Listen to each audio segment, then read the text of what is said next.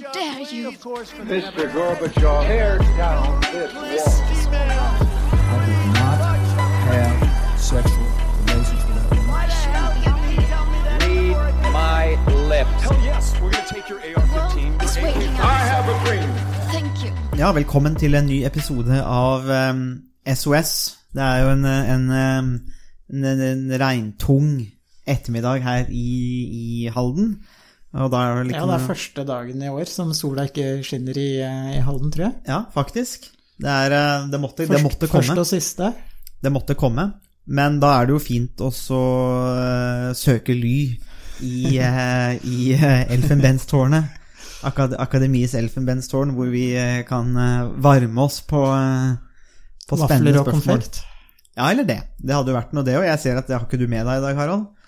Nei, det er første gangen vi eh, spiller inn podkast uten eh, vafler og konfekt. Vanligvis så har vi jo en eh, vi har jo en stor sånn, kong Haakon-konfekteske. Ja, og, og Mozart-kuler. Ja, og Mozart-kuler. Ja, så det, det pleier å være litt eh, nivå på det her, da.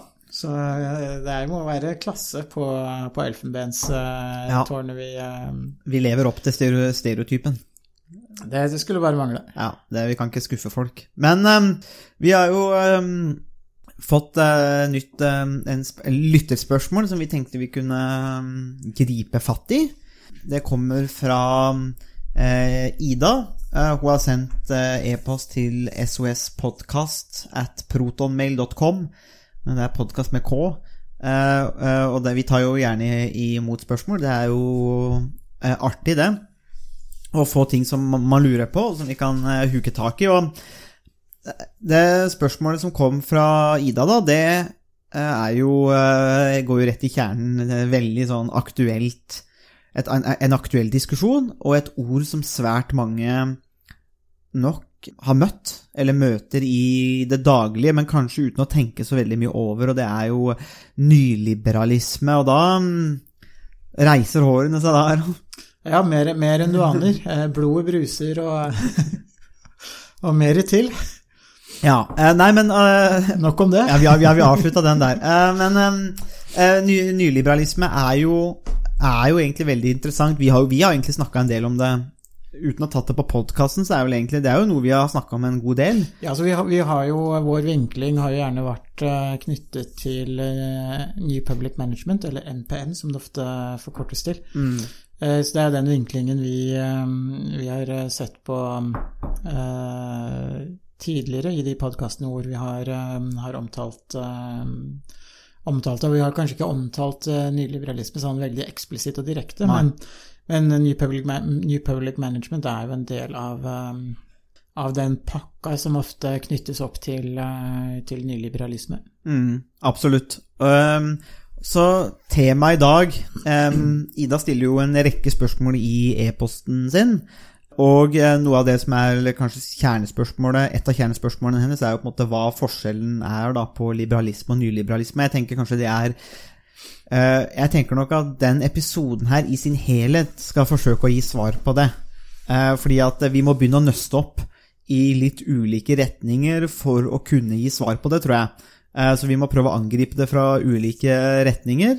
Eh, Og så skal håp, er jo håpet da at vi i enden av episoden klarer å gi en, en, en, godt svar på hva som er forskjellen, og kanskje hva som kan være en, operasjonell eller operativ definisjon av nyliberalisme òg, som kanskje gir mening. Vi skal i hvert fall um, Uh, vi skal i hvert fall diskutere vi mener, uh, hvordan, hvordan vi mener da at nyliberalisme kan gi mening. Fordi det er jo rett og slett sånn nå, da, uh, i dag, at nyliberalisme er et man kan kanskje si at det er en samlebetegnelse på økonomiske og politiske ideologier. eh, Kanskje knytta til markedsøkonomiske prinsipper. Men med en gang vi begynner å bruke samlebetegnelse, så ligger det naturlig at dette her blir veldig bredt. Og eh, et av problemene med nyliberalisme som begrep er at eh, det blir ofte kritisert for å være nettopp for bredt. Det fanger over for mye og ender opp med å si ingenting. Det prøver å si mye og ender opp med å si ingenting. Eh, Så skal det også sies da, fra utgangspunktet av, at eh, for oss som driver med veldig mye med internasjonal politikk, så har nyliberalismen det er knytta til egentlig en mer, mye mer uproblematisk teoretisk vinkling, hvor man ser på ok, liberalisme og institusjoner og institusjonalisme har alltid vært viktig i statsvitenskap.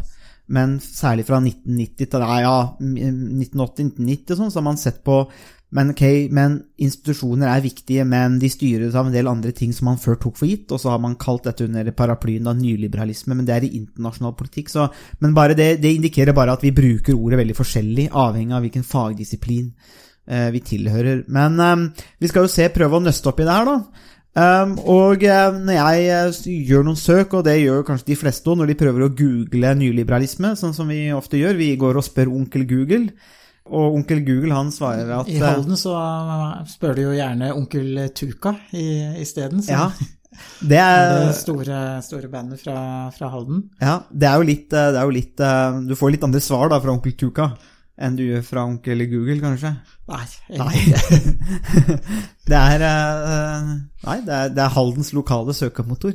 Uh, men uh, når, hvis, hvis, du googler, da, så får du som sagt veldig ofte dette med at det er en samlebetegnelse på disse økonomiske og politiske logier og teorier, og at de har til felles at de mener at samfunnet bestyres i henhold til markedsøkonomiske prinsipper, og så får man kanskje bilder eller navn som Margaret Thatcher. Thatcher, Thatcher, the milk snatcher, som de sier i Wales, etter at hun stjal mjølka fra skolene. Um, jeg bodde jo en del av Wales hvor, hvor, Margaret Thatcher var det samme som å banne, egentlig. Men nok om det. Uh, så kommer det andre navn. Uh, Friedrich von Hayek. Uh, Milton Friedman er ofte navn som blir nevnt når det kommer til nyliberalismen. Um, og jeg tenker at, eller vi tenker, Harald, at det er et godt sted å starte, fordi at um, det går et skille mener vi i hvert fall, mellom det filosofiske grunnlaget og utgangspunktet for nyliberalismen, og kanskje en del av de økonomiske eller politiske praksisene som hevder eller å være nyliberale, eller som blir anklaget for å være nyliberale. Så jeg tenker kanskje at vi kan begynne med filosofien, altså, og det politiske utgangspunktet for nyliberalismen. Tror du ikke det er en god start, Harald? Jo, jeg tror det absolutt er et, et godt sted å, å starte. Det som det som jeg tror er, det, eh, er, kjernepunktet her, og som er det helt sentrale, er eh, rett og slett det at eh, den filosofien som Hayek, delvis Milton Friedman. Vi kan jo, jeg bare beklager å stoppe det her, vi kan jo kanskje bare nevne da at Friedrich von Hayek, hvem han er, altså en britisk-østerriksk økonom, tildelt Nobels minnepris da, sammen med Gunnar Myrdal i 1974 og er representant for den østerrikske skolen da, innen samfunnsøkonomien. Jobbet også ved Wien før, før den andre verdenskrig, og i mellomkrigstida og etter ved London School of Economics, før han forsvant over til Chicago på 50- og 60-tallet, og tilbake til Tyskland. da skrev i 1944 Road to, Road to Serfdom, eller Veien til trelldom. Eh, men den, kanskje den viktigste boka som eh, hører inn under det vi diskuterer nå, er The Constitution of Liberty fra 19, eh, 1960 men altså en nobelvinner da i økonomi. Eh, så det er det, det er det, vi snakker om. Det er liksom det filosofiske grunnlaget. Vær så god. Ja, takk skal du ha. Um, det, det, jeg var i ferd med å si før du eh, brutalt eh, tok over, var nemlig at det som er interessant med den filosofien som, som ligger Som ofte blir sagt ligger til grunn for nyliberalismen, er det at mange av de økonomiske praksisene og den økonomiske politikken eh, som eh, blir eh, ført under nyliberalisme, ikke nødvendigvis kan forsvares av den filosofien som, som Hayek, delvis Milton Friedman, men også Robert Nozick, som også er en filosof som, som trekkes inn som en, en nyliberal eller en en, en, et filosofisk forsvar for en, en slags mm. nyliberal, nyliberalisme. Mm. Eh, for det som, det som jeg syns er veldig spennende, er eh, hvordan eh, Hayek er eh, opptatt eh, av at samfunnet skal skapes eh, nedenfra og opp.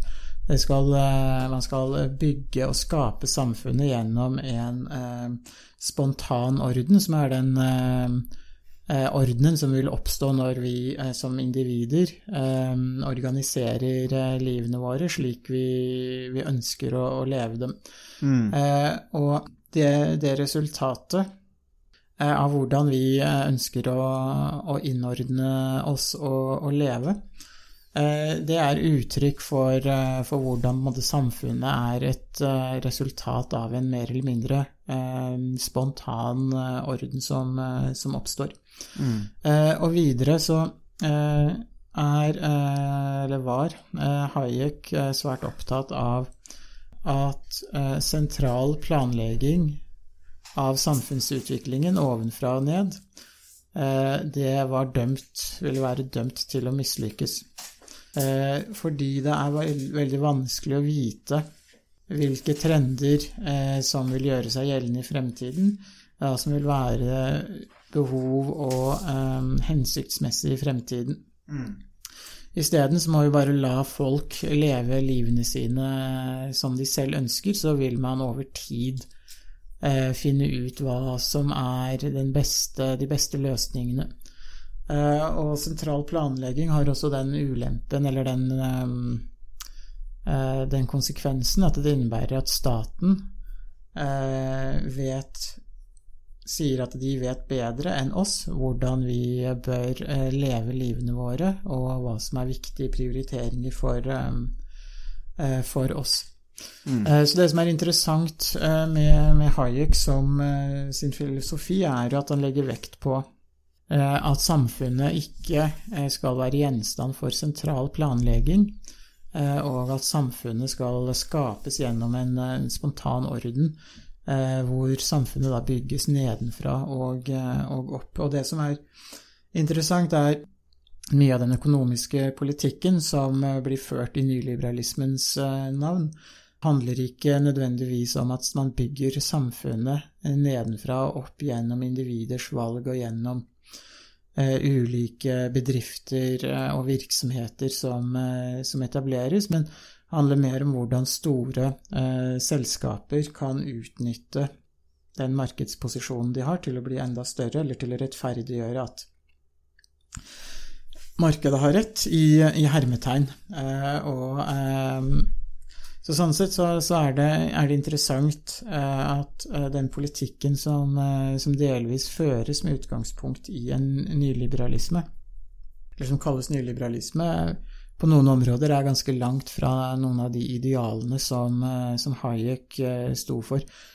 Så derfor er det litt Hvis man ser for seg hvordan Hayek ville designe et idealsamfunn, så vil kanskje mange av de økonomiske praksisene som eh, har blitt eh, eh, legitimert med utgangspunkt i eh, nyliberalisme, ikke bli, eh, bli akseptert eller, eh, eller godtatt. Det samme kan man si eh, om eh, Robert Nozick også, som var en amerikansk eh, filosof. Eh, og eh, når det gjelder Freeman, så kan man kanskje delvis eh, si det for han, noe av deler av hans eh, tenkning også, som eh, men eh, for Freedman Friedman så er det nok også mye mer uklart, og der var, eh, var nok Friedman i en, en ganske annen eh, posisjon enn en både Robert Nozick og, og mm. Hayek. Vi kan, vi, vi, vi kan jo snakke litt om, eller det er jo planen uansett, da, å snakke litt om, om, om, om, om særlig Nozick. Eh, men, eh, men klart, og, og vi, vi kommer til å snakke litt mer om Milton Friedman nå, men jeg tenker kanskje noe av det som er viktig, da eh, Ettersom Hayek nevnes som noe av det filosofiske grunnlaget for nyliberalismen, så tenker jeg i hvert fall at det er viktig å forstå at eh, Hayek er også i samtale med eh, de tidligere klassiske liberalerne. Eh, og når han skriver sin Constitutional Liberty, så er jo det en, et forsøk på en slags kanskje mer oppdatert, oppdatert versjon da, av den klassiske liberalismen, som forholder seg til eh, samfunnet som han levde i. Da snakker vi jo mellomkrigstid, og, eller var aktiv da, mellomkrigstid, men også etterkrigstid. Som også, selvsagt etter andre verdenskrig, hvor vi får veldig mye planlegging, sentralplanlegging og, og disse tingene, og du får de autoritære kreftene, særlig i Sovjet og kommunistene. og i den sammenhengen så kan man jo eh, Så jeg tenker at det går en linje da mellom eh, Eller at det er, det er en samtale hvor man ser på dette Vi har snakka mye om liberalismen før, og, og John Stuart Mill, men også Adam Smith og flere, om dette med individets autonomi og frihet og mulighet til å utvikle seg sjøl osv. Uh, og Hayek ser jo også, er jo også med i den samtalen, da, mer oppdatert. Men det er klart, når han begynner å skrive, så har jo også det internasjonale markedet kommet mye lenger enn det var på Adam Smiths tid. Så det, det gir kanskje mening at Hayek knytter mye mer av liberalismen, eller hans liberalisme, da, eh, også kanskje til det økonomiske. Fordi at det spiller en større rolle i det samfunnet enn det det gjorde for Adam Smith. Og, og, og da tenker jeg kanskje det er noe av grunnen, fordi at dette opptar Hayek. Så kanskje det er også noe av grunnen til at man har gått til Hayek og sett ja, ok, her er, her er liksom nyliberalismen. Men, det, men, jeg, men jeg, mitt eneste punkt Jeg vet ikke hva du tenker om det, Harald, men jeg tenker at, eh, at selv om det stemmer, så er det kanskje litt for enkelt å si liksom, ah, ok, der starter det Hayek. Liksom, det er den type form for uh, markedskapitalisme. Nei, det er ikke det, men det er at du i, på den tida han lever, så må du forholde Skal du snakke om liberalisme, så må du forholde deg til markedet. Jeg vet ikke hva du tenker om den liksom den, den, den måten å tenke på. For nå tenker jeg og, Hvordan er det vi kan trekke ut det filosofiske som knyttes til nyliberalismen, da? Ja, for det, det, det, det som jeg syns er veldig interessant med, med det du eh, skisserer nå, den, de linjene fra eh, Man kan i, og for seg si helt fra, fra John Lock, for den saks skyld, eh, til gjennom Smith, Adam Smith, John Stuart Mill og, og andre liberale tenkere, er jo altså I forhold til Hayek, så, så noe av det som, det som er ganske slående når det gjelder det 20.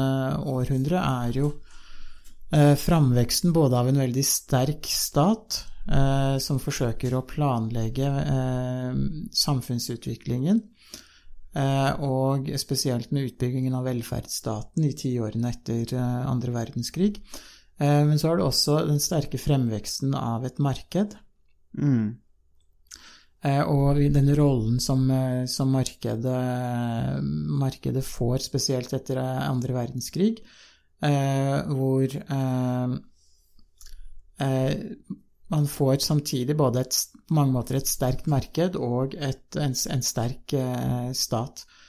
Eh, og, så det er litt i den konteksten eh, at eh, Hayek skriver om eh, hvordan eh, eh, markedet er en, en sentral eh, måte å, å organisere samfunnet på.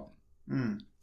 Og at eh, de, eh, de eh, byttene eh, og de eh, som, som foregår i markedet, eh, og det, de, de resultatene som man får av å kjøpe og selge ting eller være en aktør i markedet,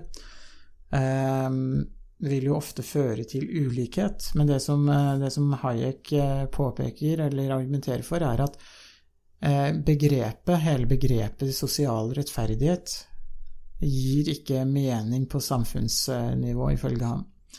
Eh, rettferdighet er kanskje et begrep som kan gi mening mellom to individer, så man kan behandle et annet menneske rettferdig eller urettferdig. Men problemet med samfunnet er at det er ikke et menneske, det er ikke en aktør, så det har ikke en egen vilje. Og samfunnet er et resultat av eh, tusenvis og millioner av ulike eh, bytter og ulike handlinger. Eh, og så ender man opp med at noen blir rike, og noen blir rikere, og noen blir fattigere. Mm. Eh, Hayek eh, mente at det er bare sånn det er. Det er bare en, hvordan samfunnet eh, blir, eller samfunnet ser ut. Eh, det er ikke nødvendigvis eh, et uttrykk for at det er godt, eller for at det er rettferdig, eller at det er riktig. Det er bare en beskrivelse av det som har de byttene og de eh, handlingene som har, som har skjedd. Mm. og Så markedet er én ting, men det ikke, har ikke nødvendigvis en moralsk karakter. Og det er jo noe som, som ofte knyttes opp til nyliberalismen i dag, at markedet som et som et, eh, er, har en egenverdi, nærmest, og er et uttrykk for at de som lykkes i markedet, eh, er moralsk god, gode og på en måte fortjener eh, de millionene de, de har tjent. Men det er ikke Hayek sitt, sitt budskap. Hans budskap er egentlig bare at rettferdighet på samfunnsnivå er et kategorifeil, altså det gir ikke mening. Mm. Det er jo veldig interessant med tanke på hvor mye i viden og dette med sosial rettferdighet eller urettferdighet er, og det er jo i hvert fall noe vi må ta opp i en annen podkast, tenker jeg. Uten tvil. Eh, fordi det er et viktig tema. Men eh, for å holde, holde tidsskjemaet litt her eh, Vi har jo snakka og brukt en del tid nå på Hayek, og, som knyttes til nyliberalismen. Eh, prøvd å vise litt hvordan han er i samtale med tidligere tider, og hvordan han prøver å oppdatere liberalismen. Eh, og så tror jeg vi skal vi kunne slå fast at det, ja, det er en Man ønsker en liten stat, eh, men en kompetent stat. Man har tro på markedsmekanismen, altså sånne ting, men man er ikke blind for tenker jeg da, at det er ikke sånn at eh, det er, det er ikke noe sånn naivitet da, knyttet til at markedet er udelt godt, eller at det har en sånn ja, egenverdi som gjør at det er udelt godt. da. Helt riktig. Det Hayek ønsker, er på mange måter en liten stat, men samtidig en veldig sterk stat som kan eh, overholde de prinsippene og reglene som er nødvendige for at, eh, eh, for at samfunnet skal fungere, og at markedet skal, eh, skal fungere. Når det gjelder, gjelder markedet, så tenker nok kanskje Hayek på markedet som i en litt sånn utvidet forstand.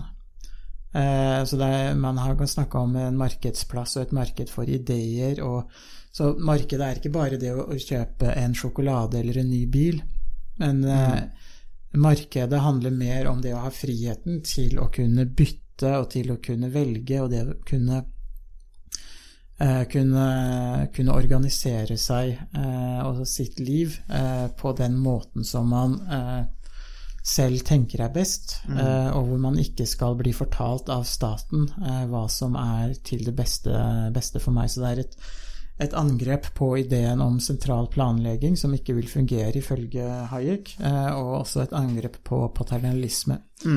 Ja, Det tenker jeg er veldig viktig poeng. Og så kan man jo selvsagt spørre om antagelsen om dette med markedsmekanismen er korrekt eller stemmer, men, men det blir litt på siden av det vi diskuterer i dag, for vi ser litt nærmere på nettopp dette med begrepet. Men så er det en annen eh, filosof eh, som du nevnte i, i innledningen, Harald.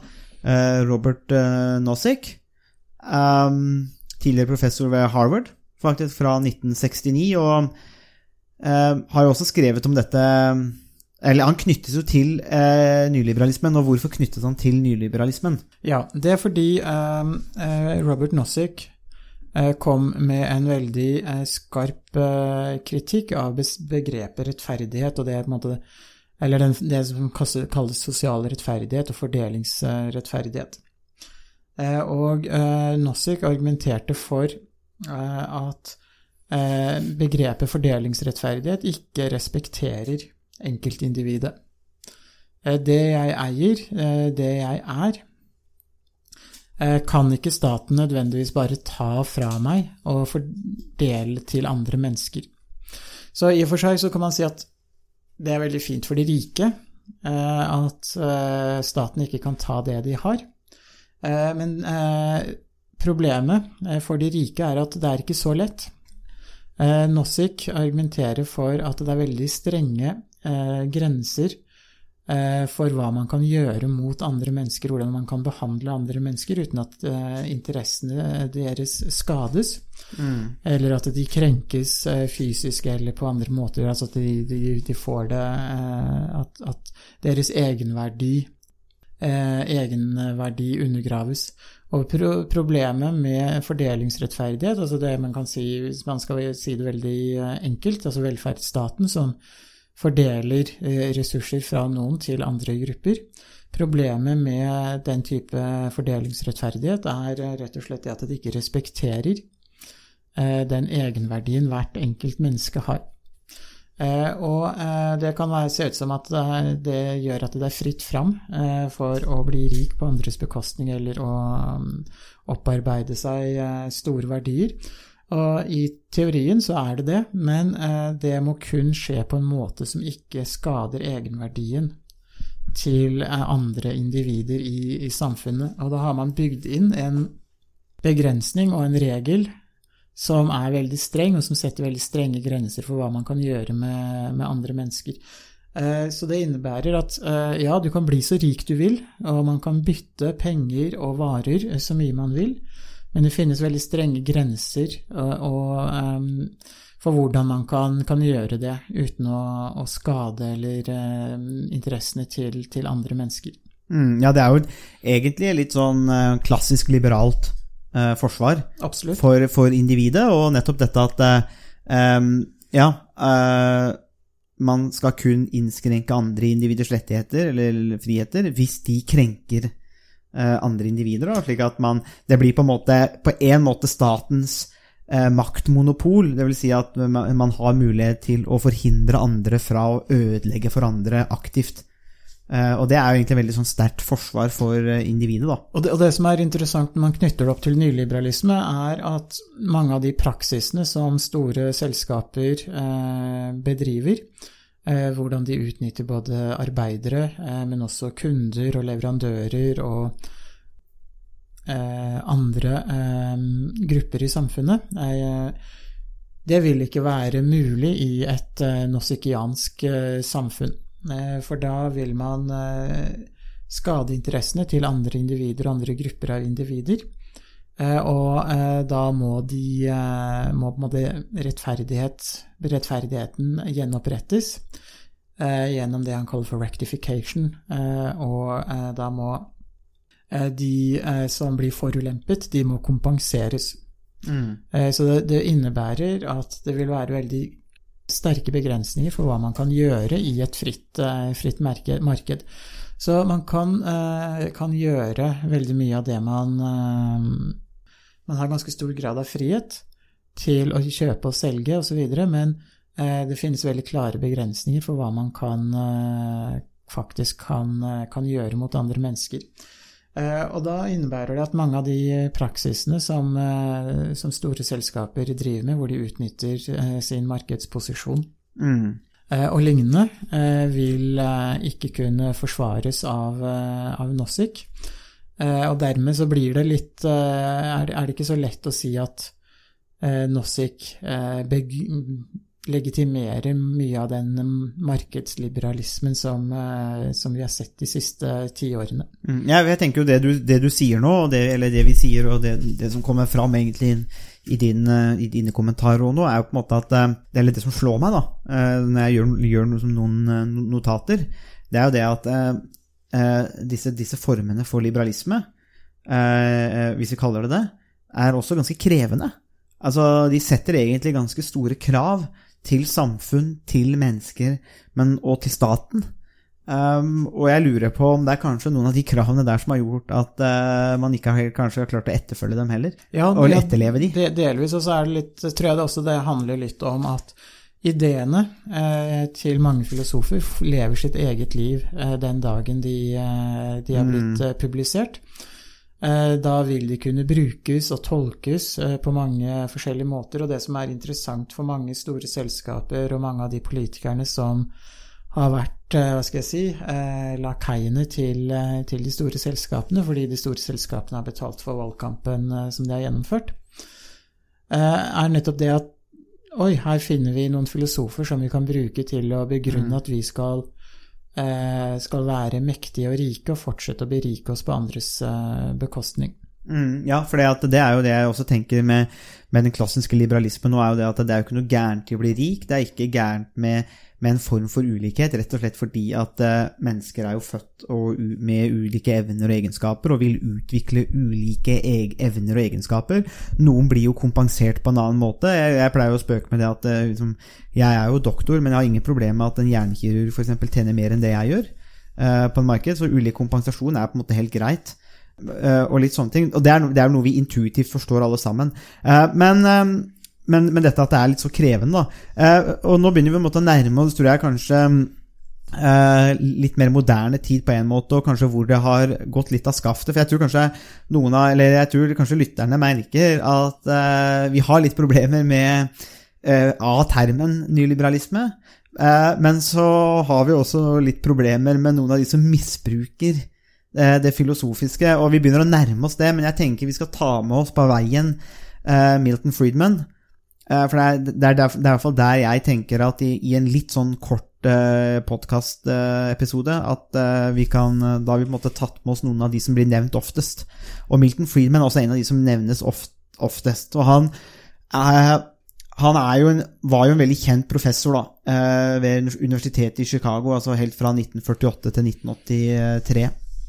Han døde for øvrig i 2006, da, men han var professor fram til 1983. Og har jo gjort eh, veldig mye arbeid eh, innenfor eh, pengepolitikk, og en stor grunn til at eh, Bretton Woods-ordningene da ble erstatta av flytende valutakurser. og argumenterte også veldig sterkt for at myndighetene bør innskrenke sin vir... Altså en mindre stat, da, eh, er vel kanskje det vi kan kalle det. Og ble også brukt av, eller var en inspirasjonskilde for Thatcher og Reagan og mange andre som ønsket å fjerne måte statlige reguleringer. og det er vel kanskje der Ja, det er, det er, kanskje det som er hans bidrag, eh, Harald. Dette med, med statens omfang eh, og rolle eh, på det filosofiske planet. Men så tenker jeg også at han var jo involvert i en del problematiske ting. Står i hvert fall for meg som svært problematisk. Eh, Det var jo Han, han leda en gruppe med, med, med forskere og akademikere som også var, kalles bare for The Chicago Boys. Eh, Men de var jo også med og, um, et, og i Chile, da, etter at eh, Pinochet og de kuppa Salvador Allende, så var jo Friedman engasjert som rådgiver for å, for å oppdatere Chiles pengepolitikk.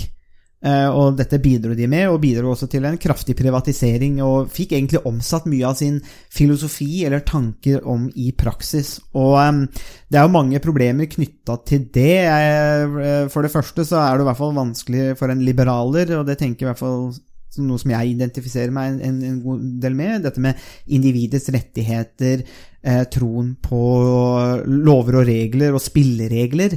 At en person skal støtte et militærkupp som kupper en demokratisk valgt regjering, det er jo dypt problematisk. Men kanskje dette med nyliberalismen kommer litt klarere inn i bildet med Friedman. fordi at det, det, det blir kanskje litt klarere dette med den privatiseringen, dereguleringen, det blir litt mer sånn in your face, kanskje. At, eh, som du sier, da, Hayek og Nozick er litt mer sånn idéstadieplan. Mens med Hayek, nei, med Friedman og Chicago Boys og disse ulike landene, og eh, også fordi at det blir brukt av Thatcher og Reagan, så kommer det plutselig bare smack eh, fram da, i, i dagslyset, kanskje. Jeg vet ikke. Eh, ja, eh, noe av det som, eh, som Friedman er veldig kjent for, er jo at han argumenterte for at det eneste ansvaret, det eneste samfunnsansvaret bedrifter har, eh, det er å være så, eh, så lønnsomme som mulig og tjene så mye penger som mulig. Så eh, det eneste bedriftene, bedriftene skal gjøre, det er å tjene så mye penger som mulig. Og der er det liksom Det, det er et, eh, en, eh, en regel eller et eh, prinsipp som har vært trukket mye fram eh, som et, eh, en av kjerneverdiene til eh, nyliberalismen, sammen med deregulering eh, og eh, en, eh, en liten stat. Men det som er interessant, er jo at mm, utsagnet til, Milton- til Milton Friedman kan jo også tolkes på litt ulike måter, for man kan se på det som et viktig samfunnsansvar at bedriftene er lønnsomme og solide. Solide bedrifter som, som vil kunne vare over tid og kunne motstå økonomiske kriser og nedgangstider og, og lignende. Så sånn så kan det være, er det et viktig ansvar at bedriftene er lønnsomme og har, er så lønnsomme som mulig. Eh, Men samtidig, hvis det innebærer at det legitimerer at man kan eh, eh, ta snarveier, så Å jukse nærmest for å tjene så mye penger som mulig, så vil det undergrave ikke bare bedriftene, men også hele, hele samfunnet. Så det, det kan tolkes på litt ulike måter. Eh, men eh, eh, Friedman eh, skiller seg jo fra eh, Nozick og, Hayek eh, på den måten at han, han kom ikke bare med noen ideer som han på en måte kastet ut i verden eh, for at folk skulle tolke det, men han var jo aktivt med på å fortolke og implementere de, eh, de ideene mm. selv.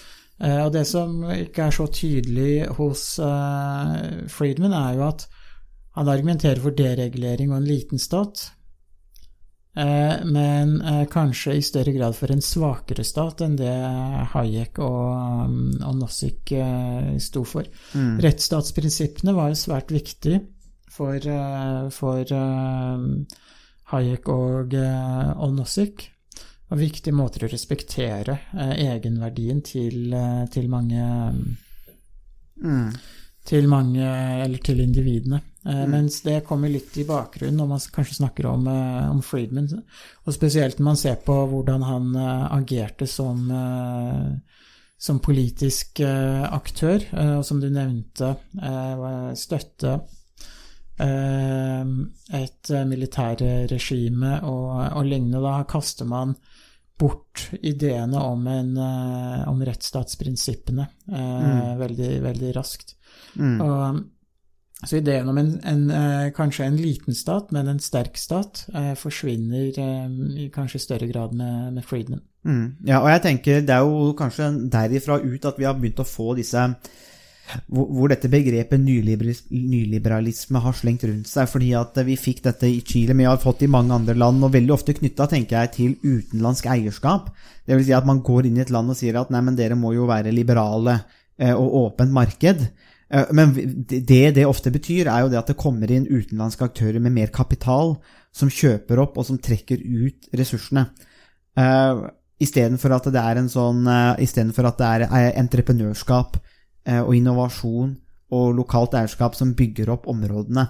Og så kan man jo si at ja, ja, men det er et åpent marked og, så, og, sånne ting, og man er sterkest på markedet. Men det er klart at det, et sånt marked er jo aldri Vi har snakka om det før, er jo er ikke nødvendigvis rettferdig, men men er man Jeg tror kanskje litt av kanskje grunnen til hvorfor nyliberalisme blir brukt på den måten som det blir brukt i dag i praksis, er at det ofte knyttes til konkrete politiske eller økonomiske Eller knyttes til konkret økonomisk politikk, som ofte involverer utenlandsk eierskap, og så ser man, ok eh, Så knytter man det til nyliberalismen. Mens vi snakka litt om det her før vi eh, spilte inn podkasten, at eh, jeg veit ikke om nødvendigvis om det handler om nyliberalisme, eller om det egentlig bare handler om at de rike vil ha mer. Eller de med ressurser vil ha mer ressurser. Og de som eier, altså man vil bare eie mer eller kontrollere mer og tjene mer penger. Jeg vet ikke om det, om det nødvendigvis har så mye med individets frihet og autonomi og utvikling å gjøre. Det, at det, det handler egentlig mer om eh, ja, penger, da. Eh, at, det, at, at det er så enkelt, da. Og, og så kaster man på noen av disse ideene fra uh, ulike filosofer som snakker om minimalstat og sånne ting. Så da er på en måte min hypotese, så kan du liksom se om du er med, Harald. Uh, sende over til sensor her. Om, om, om, om de rett og slett man har, man har rett og slett misbrukt ideer eller tankegods fra filosofer. Så har man tatt no, altså cherry-picking, da. Man tar noe av det som eh, passer, og som rettferdiggjør en, sin økonomiske politikk eller ønsker. Og så, kalle, og så, og så forsøker man å forkle det i, i noen sånne liberale prinsipper og komme trekkende med det. Og så har man gitt litt blaffen i en del av de andre tingene som Hayek og Nozick og andre snakker om. Da. Eh, Jeg syns det var en veldig god, eh, god oppsummering, eh, og det er et og det, jeg tenker det er ganske tydelig i noen av de, de praksisene som har etablert seg, hvor eh, eh, Hayek f.eks. snakker om hvordan samfunnet skal eh, organiseres og skapes og bygges nedenfra og opp. Men så kommer det inn utenlandske storselskaper som kjøper opp naturressurser. Eh, og eh, eh, hvor eh, ulike sta andre mektige stater og eh, organisasjoner som IMF, eh, Verdensbanken osv. Eh, krever en liberal poli eh, økonomisk politikk, men som fullstendig undergraver prinsippet til Hayek om at samfunnet skal bli etablert gjennom en, sentral, gjennom en spontan eh, eh, orden nedenfra og opp uten sentral planlegging, men da kommer man inn mm, og nettopp å drive med sentral planlegging, som er det Hayek eh, argumenterte sterkest imot. Og Det blir jo paradokset. det blir paradokset, og det samme gjelder Nossik, Nozick, som argumenterer for at man må respektere individenes egenverdi, og man må kompenseres hvis man forulempes. Eh, Og den måten så mange naturressurser og andre eh, store verdier skifter eh, eier, eiere på, kompenserer ikke nødvendigvis de som berøres, og de som de som, som forulempes i noen av de prosessene. prosessene. Så der ser man egentlig, når man begynner å se på detaljene, at nyliberalisme som praksis inneholder en del ganske grelle eksempler som ikke kan eh, legitimeres med utgangspunkt i den filosofien som, eh, eh, som de visstnok skal mm. ha sin opprinnelse fra. Og det er jo også med på å gjøre at mange ser på Robert Nozick og Friedrich Hayek som er filosofer som, eh, som er på de slemmes parti, og som begrunner eh, nærmest onde eh, praksiser. Men når man ser på detaljene, så er det, er det vanskelig å begrunne mye av, mange av dem,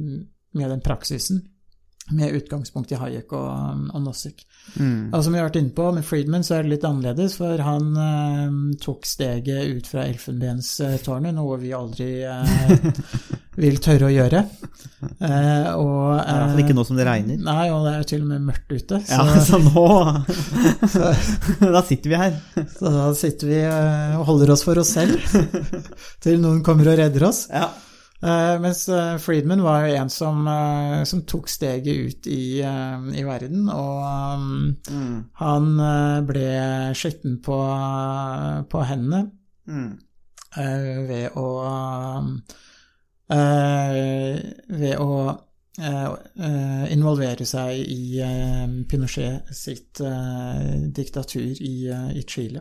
Ja da, og Chicago Boys var jo flere steder òg, så det er en litt sånn skitten historie for akkurat eh, den gjengen der. Eh, selv om det for så vidt nok teknisk sett var flinke økonomer eh, og filosofer, for all del. Eh, men, men, men det er noe med det der eh, Jeg har tenkt det mange ganger i min egen forskning, som handler mye mer om terrorisme og, og krigen mot terror. Da, og jeg har ofte tenkt på det at vi, vi, vi, vi hevder jo å leve etter en del liberale prinsipper, men noen ganger så får du inntrykk av at de prinsippene er de, er, de setter egentlig ganske store krav, og veldig ofte så er vi happy med å bare omgå de. Eh, altså vi, snakker, spill, vi snakker om liberalisme, men eh, det å, det å være liberal, det å ta det seriøst, det krever egentlig ganske mye. Men hvis vi da, eh, Harald, hvis vi da vil bruke nyliberalisme altså Vi kan jo definere liberalismen, og det har vi gjort i mange Vi har en egen podkast-episode om, om hva vi mener ligger i liberalisme. Kort oppsummert individets frihet, autonomi, rettsstat. Eh, vi kan kanskje Ja, jeg, jeg tenker at kan vi oppsummere eh, hvordan vi ser på liberalismen eh, Ja, dette med individet, men også at vi har en lit, at man ønsker en liten, men kompetent stat som tar hånd om noen kjerneoppgaver.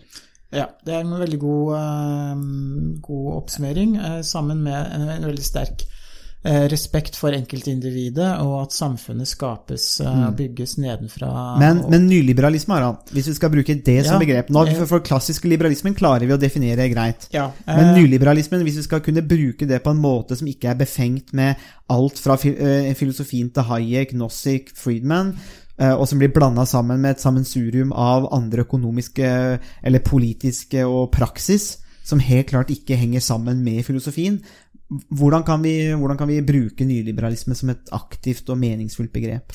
Ja, spørsmålet er jo om det er, om det er et meningsfullt begrep Ja. i, eh, i det hele tatt. For um, det, det, som, eh, det som vi har eh, fokusert på, er jo at vi har filosofien på den ene siden, og så har vi den økonomiske, politiske praksisen på den andre siden, som ikke kan forenes. Eh, er, man kan ikke forene eh, prinsippene med eh, praksisen. Og det, det taler for at det er et meningsløst eh, begrep. Eh, Fordi den økonomiske praksisen har veldig lite med den filosofien som, eh, som ligger til, eh, til grunn for eh, til, til, som ligger til grunn uh, i det hele tatt. Så det innebærer at uh, det er et, Jeg tenker det er et åpent spørsmål om det, om det er et, uh, et, me, et meningsfullt fullt begrep. Så man kan kalle Hayek, Friedman og uh, Nozick for nyliberale um, teoretikere. Det er i og for seg greit nok, men da må man i så fall være tydelig på om man henviser til eh, filosofien eller den økonomisk-politiske praksisen. Eh, Og for at det skal gi mening i forhold til Hayek eh, og mm. Nozick og delvis Friedman, så kan man ikke inkludere eh, mye av det som eh, mye av den økonomiske politikken eh, som har vært, vært ført i mange vestlige eh, land eh, de siste 30 årene. Da må man rett og slett finne andre ord for det, andre begreper for å beskrive det. Ja. Eh, fordi, men, Det er men, ikke nyliberalisme, det er en eh, Den økonomiske politikken som har vært ført, eh, er jo i stor grad en slags kleptokrati-politikk, eh, hvor de rike har blitt rikere, og hvor man i motsetning til hva Hayek argumenterte for, har forsøkt å, å bruke sentral planlegging til å berike seg selv og, Ja. og andre. For det er jo noe vi Det er jo et viktig begrep her. ikke sant? Er at det, det er et par ting som er viktig å oppklare. ikke sant? At det er, det er mulig å artikulere den kritikken av økonomisk politikk og økonomisk atferd uten at svaret er kommunisme og sosialisme, slik det har vært for mange på 1900-tallet. Eh, Det er en slags dikotomi eller en todeling som er falsk. Eh, For det er fullt mulig å kritisere den økonomiske politikken for eksempel, som mange store selskaper driver med i dag, eh, og de virkelig store globale selskapene, og, si og kritisere via eh, liberal politikk og si at det er faktisk konkurransevridende og ødeleggende på en måte som gjør at menneskelig potensial svekkes. Slik at det er mulig å artikulere en liberal kritikk av denne, uten at det, det skal sentralplanlegges for å fikse på det. Eh, Svaret er at vi kan fikse på det ved å ha noen styringsmekanismer på plass, eh, men de mekanismene skal da helst tillate at individer får lov til å utfolde seg sjøl. Så, det er- så det er mulig å, artikulere den kritikken sånn som man gjør der, da, eh, tenker jeg er viktig å få fram. Jeg tenker det er et veldig viktig poeng, fordi at veldig mange kritiserer eh, dagens økonomiske politikk, og ofte med rette. Eh, og det som er interessant, er jo at den kritikken kan man jo eh, artikulere med utgangspunkt i de tre, del, spesielt Hayek og Nozick, men også delvis Friedman, eh, muligens. Eh, man kan jo kritisere eh, deler av den eh, politikken eh, som har vært ført med de, de eh, filosofene vi har, eh, tenkerne vi har vært, vært inne på. Så tiden er kanskje inne for å, å mm, slutte å bruke begrepet nyliberalisme om den eh, økonomiske politikken eh, man fører. Man kan jo Jeg nevnte mm, begrepet kleptokrati. Eh, Man kan jo også se på det som en slags reføydalisering, nærmest. Ja. Hvor det nærmest blir føydale bånd mellom kunder og selskaper, eller mellom ansatte og, og selskapet.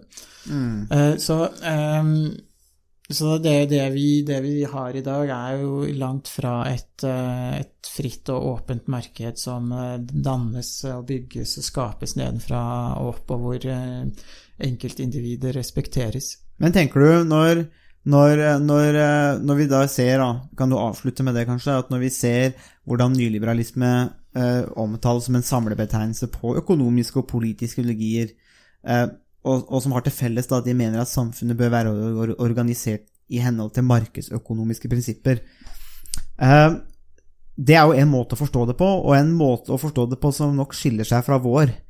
Eh, fordi det vi langt på vei har artikulert i dag, er jo det at Og vi identifiserer oss ikke med noen av de eller sånn, det er ikke noen, Vi er forsvarere for noe, men eh, det vi artikulerer, er jo det at her har det skjedd en mismatch mellom filosofi og praksis. Og det det no, kan jo hende at det er mange som ikke er enig i.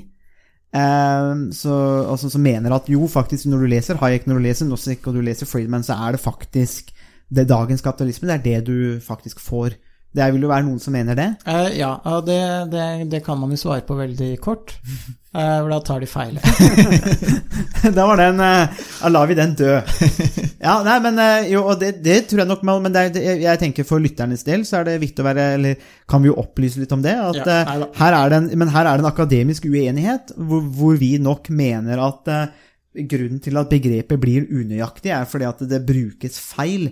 Og at eh, jeg tenker òg, og det, det er tilbake til mitt poeng i stad Jeg tror at mange av de som har snakker om Og det tror jeg gjelder fra Thatcher, og jeg tenker det gjelder fra Reagan, og det gjelder Friedman til, til dels, men jeg tenker særlig på politikerne som har eh, stått for den type, for, eh, type politikk så tror jeg de har, de har tatt det enkleste de kan fra markedet, og kanskje brukt det til å pushe sin egen agenda, litt sånn som Trump gjør nå, eh, som er veldig sånn åpenbart at han, støtter, han utformer politikk som er til sine egne, under et dekke av liberalisme eller liberalistisk politikk, når det kommer til det økonomiske. da, Så tenker jeg noen ganger at man har tatt det enkleste, og så hopper man bare bukk over de vanskelige tingene, kravene til Nozick, kravene til Haik, det har man bare hoppa bookover, og så sier man at nei, men se her, hva Og så leser man noen paragrafer ut fra eh, Hayek eller Nozick som sier at vi skal ha en liten stat, og vi skal ha mer individuell frihet. Og så har man bare eh, glemt at å ja, så sto det noe om krav til eh, ansvar krav, Altså, det kommer med en masse mengde krav, da. Og det, det tenker jeg kanskje er, noe som har skjedd her, da, men Ja, og det, det tenker jeg er kanskje et av hovedpoengene i, i den podkasten her, at vi, vi påpeker på en måte den glidningen som har, har, eh, har skjedd mellom eh, filosofien og den økonomiske eh, vir virkeligheten. Og eh, jeg, tror, jeg vil egentlig bare understreke det, det poenget du Et av de poengene du, um, du nevnte nå, nemlig det at man den økonomiske politikken som har blitt ført, har vært blitt ført for å tjene noen interesser. Noen sine interesser. Eh, så det er ikke blitt eh, ført for å genuint skape et åpent og fritt marked. Så hvis man, hvis man starter med et åpent og fritt marked som er på en måte eh, genuint åpent og fritt, eh, så vil man kanskje ikke få en del av de, de eh, resultatene som, eh, som vi har sett i eh, i, uh, i mange land de siste ti årene. Mm. Og så tenker jeg jo helt til slutt også at eh, det er klart eh, Vi har ikke snakka om, om de fundamentene vi nevnte så vidt i stad, men det kan godt hende at det å styre etter markedsøkonomiske prinsipper, f.eks., noen av de antakelsene er feil. Det kan godt hende, men, men det er ikke det vi diskuterer i dag. Men når vi ser på, på hvordan det er brukt, så, er det, så tror jeg det i hvert fall noe vi kanskje hvis, hvis vi skal forsøke oss på en oppsummering der, så er det nettopp det at skal begrepet nyliberalisme ha en mening, så er det nødt til på, Vi påpeker den glidningen. Da er man nødt til å skjerpe inn mye mer hva man mener med nyliberalisme. Og hvis man gjør det, så er vel kanskje konklusjonen vår at da ender man opp med å ikke kalle de der økonomiske praksisene og politikken som har blitt ført, da kaller man ikke det nyliberalisme, men man, man finner helt andre ord for det, da. Eh, Så det tenker jeg kanskje er en passende konklusjon på en episode som strakk seg en god stund, men vi håper lytterne var med på reisa vår, Harald. Eh, Vi har i hvert fall kost oss. Ja, Så- altså tida går jo fort, vi kan jo bare si det til våre lyttere. Vi nevner jo ikke det for lytterne, eh, men det skjer stort sett etter hver episode, så, så er vi overraska over hvor lang tid som har gått. For det føles ikke som den tida som, det står, som jeg ser på skjermen. Det, det føles som at tiden bare flyr av gårde. Ja, så on air, Harald, så skal du få lov til å tippe hvor lang, de lang episoden er. Eh, 54 minutter. Ja, da, du blir bedre til å tippe. Den er faktisk på 53 minutter Oi, oi, oi. akkurat nå. Det var det vi hadde å by på i denne ukas episode av Statsvitenskap og sånt. Musikken er komponert av Robin Horvath, og Thomas Focolato står for miksing og redigering.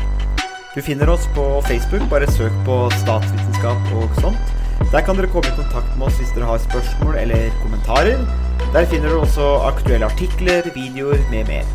Vi setter pris på om dere liker sida, og deler den med andre som dere tenker vil ha glede av å høre på podkasten. Vi høres.